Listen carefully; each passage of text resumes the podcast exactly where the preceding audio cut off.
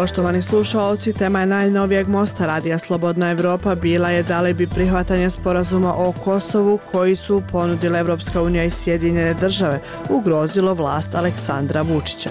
Sagovornici su bili Dušan Spasojević, profesor Beogradskog fakulteta političkih nauka i Zoran Gavrilović, direktor Biroa za društvena istraživanja iz Beograda. Bilo je riječ o tome zašto se Vučić upustio u gotovo pijačnu svađu punu vike i uvreda sa poslanicima desnice tokom skupštinske debate o Kosovu. Da li bi desnica koja se žestoko protivi sporazumu o Kosovu i smatra ga izdajom, mogla organizovati masovne proteste i izazvati velike nerede? I da li bi Rusija, koja je do sada bila prilično suzdržana, mogla da počne da podriva Vučića ako se definitivno uvjeri da se on okrenuo ka zapadu? Razgovaralo se i o tome zašto ćuti Srpska pravoslavna crkva koja je do sada stalno poručivala da je Kosovo srce Srbije. Da li bi se ona zbog Kosova mogla okrenuti protiv Vučića iako je do sada imala veoma dobre odnose sa vlašću? Da li će Vučić uz pomoć režimskih medija uspjeti da uvjeri narod da je njegovo sadašnje okretanje ka zapadu u interesu Srbije, iako su ti mediji godinama veličali Rusiju i Putina? Da li je najava prihvatanja sporazuma o Kosovu najriskantniji Vučićev potiz od kako je došao na vlast ili da li bi zbog Kosova mogao izgubiti vlast? Most je pripremio Omer Karabek. Most Radija Slobodna Evropa. Dialogom do rješenja. U današnjem mostu razgovarat ćemo o tome da li bi prihvatanje sporazuma u Kosovu koji su ponudile Evropska unija i Sjedinjene američke države ugrozilo vlast Aleksandra Vučića.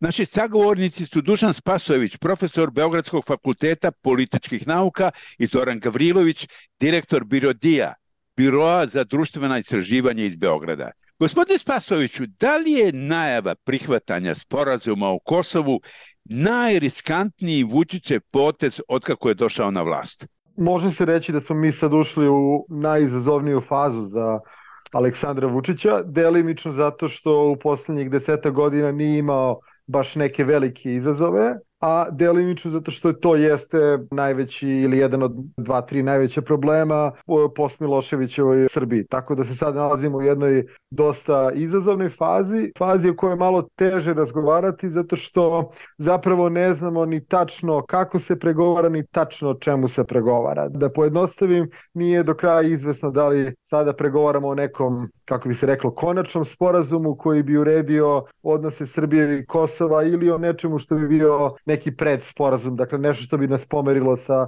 trenutne tačke u kojoj se nalazimo već desete godina. I onda u zavisnosti od toga zavisi zapravo stepen krize. Što smo bliži nekim zaista finalnim rešenjima, to je veći problem za Vučića, to je veća mogućnost da se ta rešenja odlože, da se sve još malo prolongira, to će Vučiću narednih meseci biti lakše. Gospodine Gavriloviću, mislite li vi da je ova najava prihvatanja sporazuma u Kosovu najriskantniji Vučićev potez do sada? Ja mislim da ipak, kada bi neko tražio Vučiću da reguliše medijsku situaciju u Srbiji na način da REM radi svoj posao i da Pink ne bude ono što jeste u stvari sredstvo za promociju i propagandu vlasti, to bi u stvari bio sistemski gledano najveći problem Aleksandra Vučića. Što tiče Kosova, prihvatanje francusko-nemačkog plana nešto što je veliki izazov, iz razloga što je Aleksandar Vučić krenuo putem koji je prosto poguban kod njega.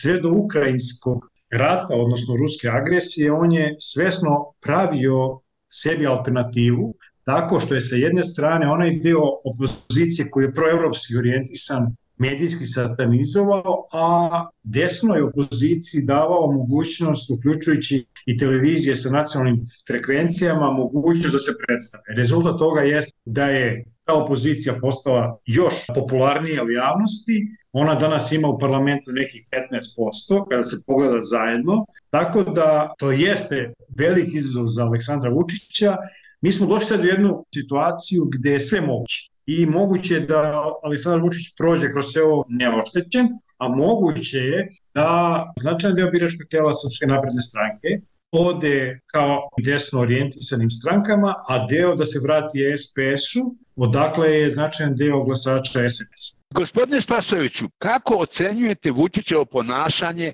nakon što je njegov govor u Skupštini Srbije izazvao besne reakcije brojnih poslanika krajnje desnice? Došlo je maltene do fizičkog obračuna. Zašto se on upuštao u nadvikivanje s njima, reklo bi se u pijačnu svađu?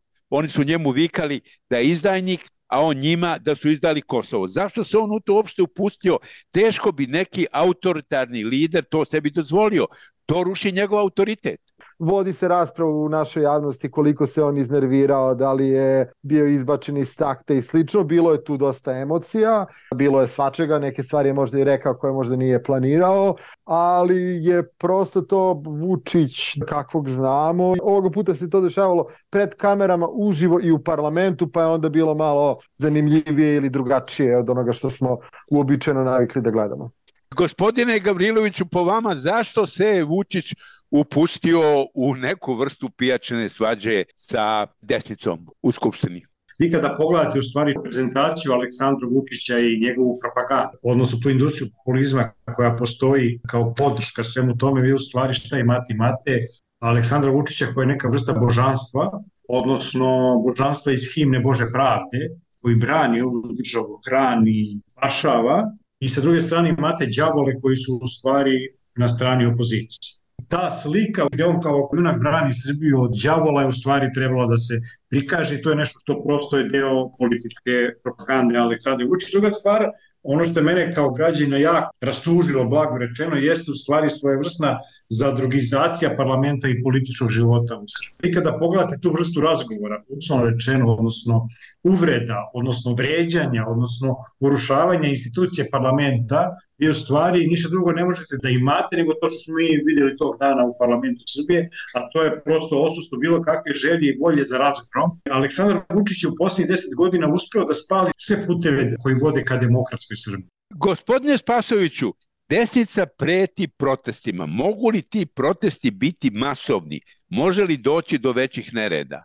U ovom trenutku je to teško proceniti. Mi smo do sada imali u poslednjih 15 godina čitav niz e, protesta od strane desnice, krajnje desnice ili slično, ali onog trenutka kada je prestala da postoji Srpska radikalna stranka u onom punom sjaju i punoj snazi kakvo je imala za vreme Miloševića i prvoj deceni nakon Miloševića, čini mi se da nije bilo toliko masovnih i toliko velikih protesta koji bi bili vezani za Kosovo, koji bi bili zabrinjavajući u smislu nekog uh, održavanja reda i mira u najširem smislu. Naravno da radikalna i krajnja desnica uvek mogu da sakupe nekoliko hiljade ljudi, kao što recimo vidimo kada su u pitanju događaji poput parade ponosa i slično, koji su spremni da protestuju, da se tuku sa policijom i slično, ali sve dok je skup stranaka koje organizuju te proteste sveden na zavetnike dveri, DSS i slično, moguće da bude urušavanja javnog reda i mira, ali ne vidim da bi to politički moglo da bude toliko problematično. Ukoliko na te događaje budu počeli da dolaze i birači SNS-a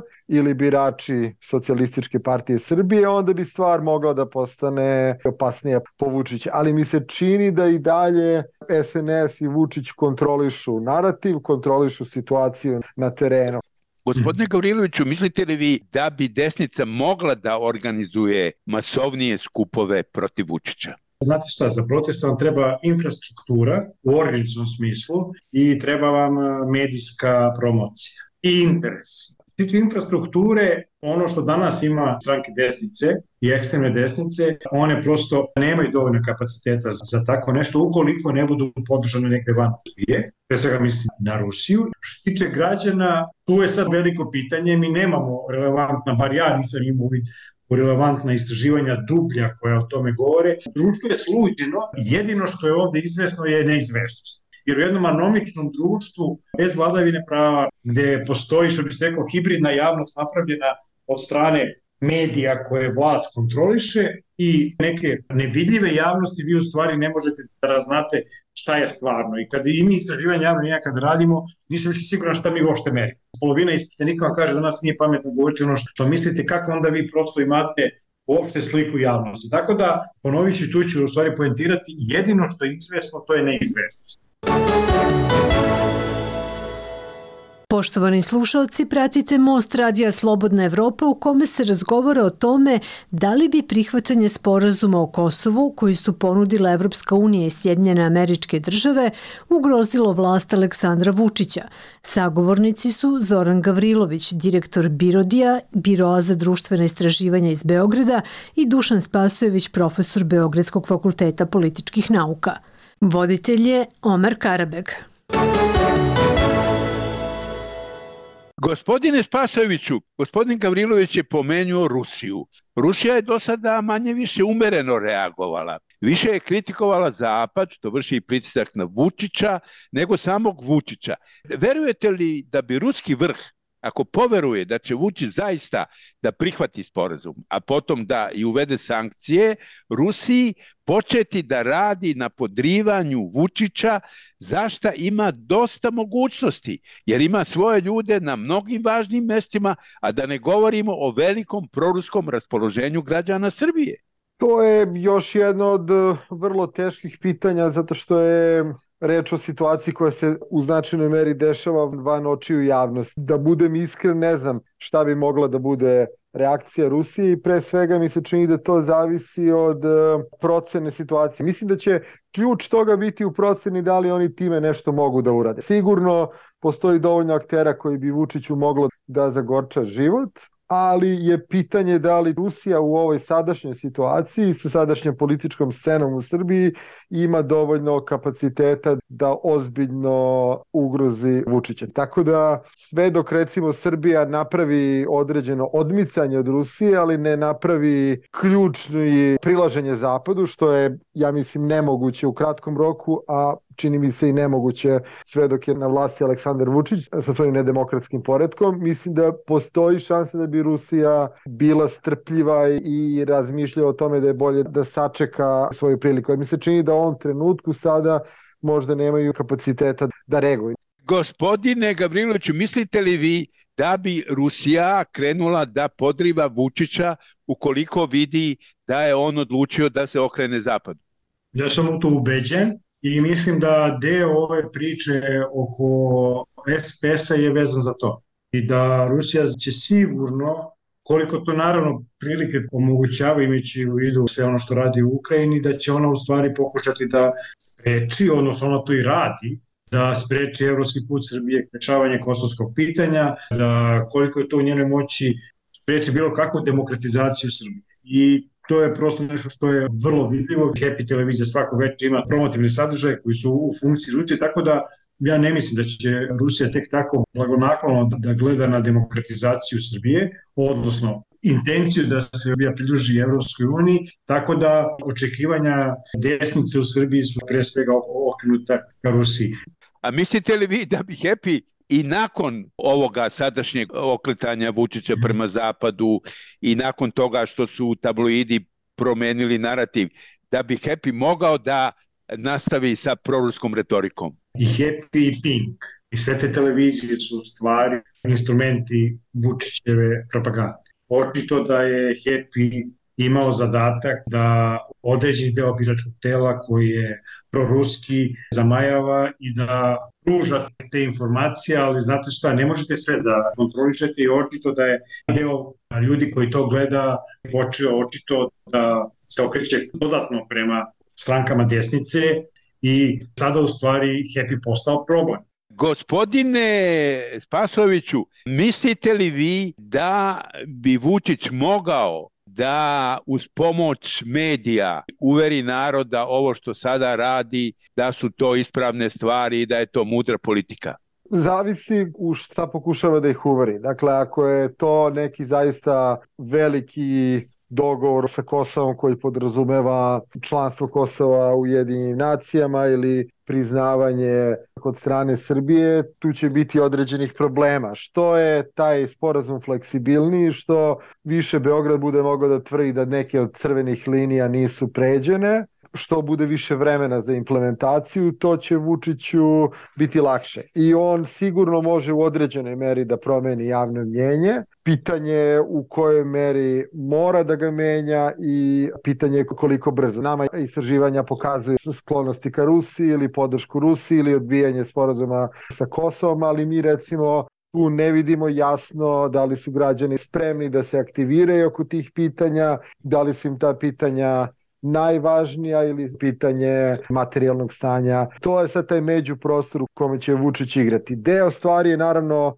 za njega problematičan. Ja moram da kažem da od starta nisam razumeo tu baš preteranu naklonost ka Rusiji početka rata u Ukrajini. Prosto mi se čini da su mediji bili na steroidima u tom smislu, bili su jako pristrasni, a nekako je bilo potpuno jasno da to će napraviti problem Vučiću pre ili kasnije i sad smo došli u situaciju da je on u problemu, odnosno da bi mu bilo mnogo lakše da je se od starta nijansiranije govorilo o ruskoj invaziji na Ukrajinu. A mislite li da je Vučić sa tim e, proruskim narativom koji dugo traje, da je na neki način upao u sobstvenu zamku? on jeste sebi smanjio i suzio manevarski prostor i to je postalo očigledno recimo od 2016. 17. pa onda poraslo je tokom covid potpuno nepotrebno i to jeste bilo sužavanje prostora.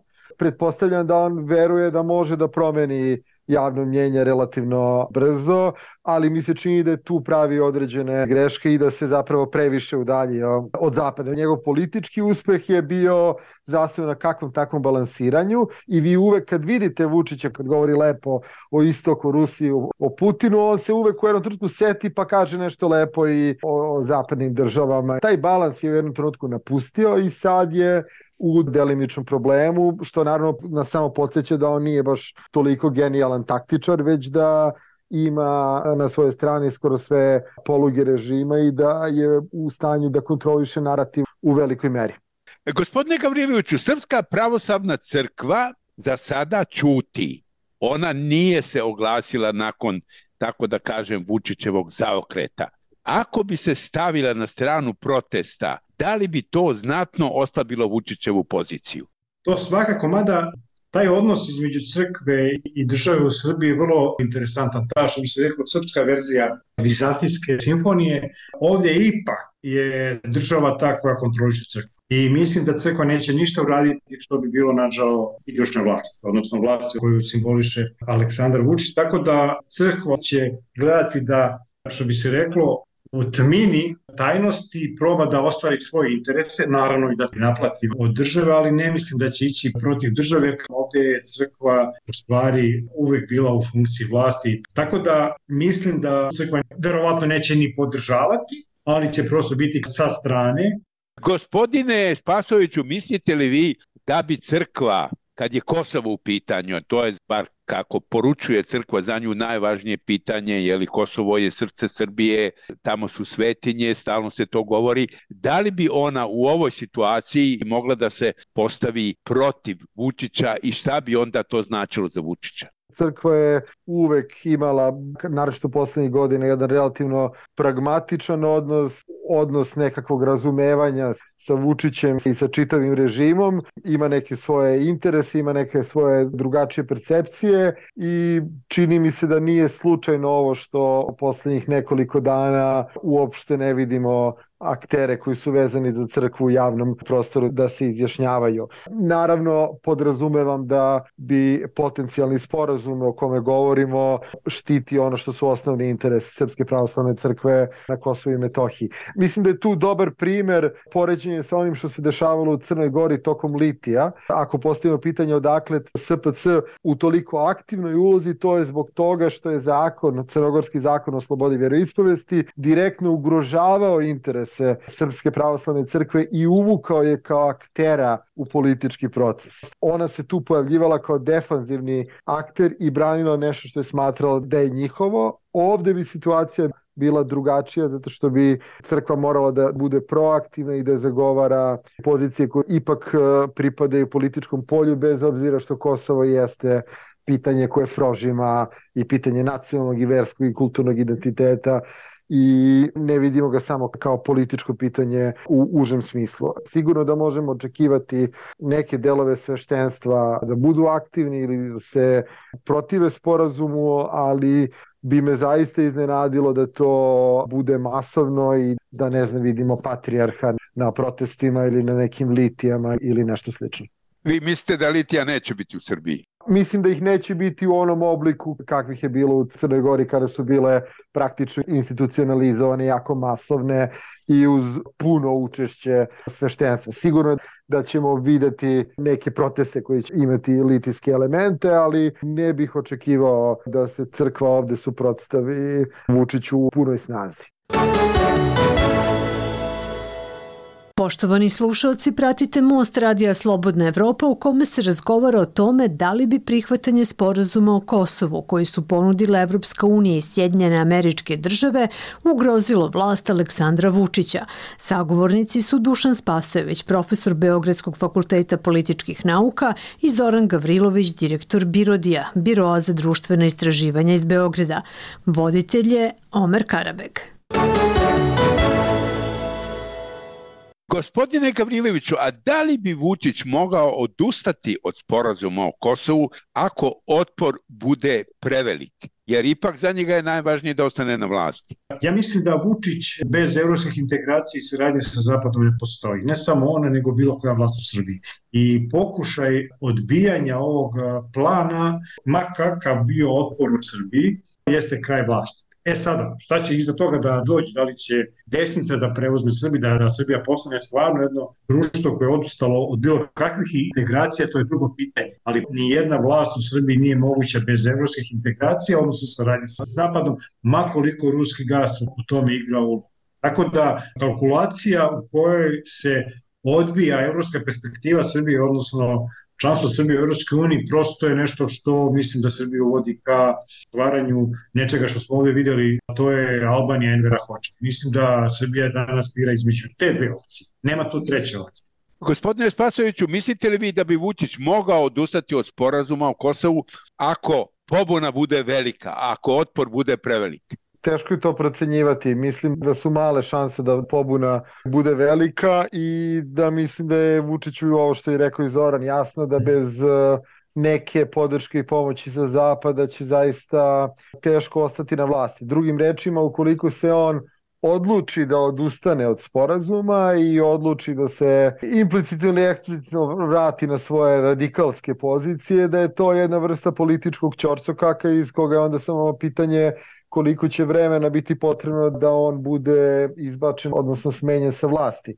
I mislim da tu zapravo ne bih posebno ni odvajao Ivicu Dačića i on je bez obzira na sve repove i veze koje ima sa Rusijom i on se više puta pokazao kao relativno pragmatičan političar koji ume da sklopi dogovore na različitim stranama. Podsjetit ću vas da je 2008. godine bio jako važan element pravljenja proevropske većine u situaciji kada je stvar mogla da ode i na drugu stranu. Mislim da je takođe i Vučić toga svestan i da zna šta ga je dovelo ovde gde ga je dovelo, tako da bi njegovo odustajanje od sporazuma moglo čak mislim više da bude procena da, da postoji određeni prostor u međunarodnoj zajednici, neki manevarski prostor da se recimo rastegne sporazum do izbora u Americi ili za Evropski parlament, tako da bi mu pre to bila taktika nego neko zaista odustajanje sporazum. Dakle, ono što smo zapravo gledali poslednjih nekoliko godina, s tim što ga je očigledno, ako je verovati onome što je Lajčak saopštio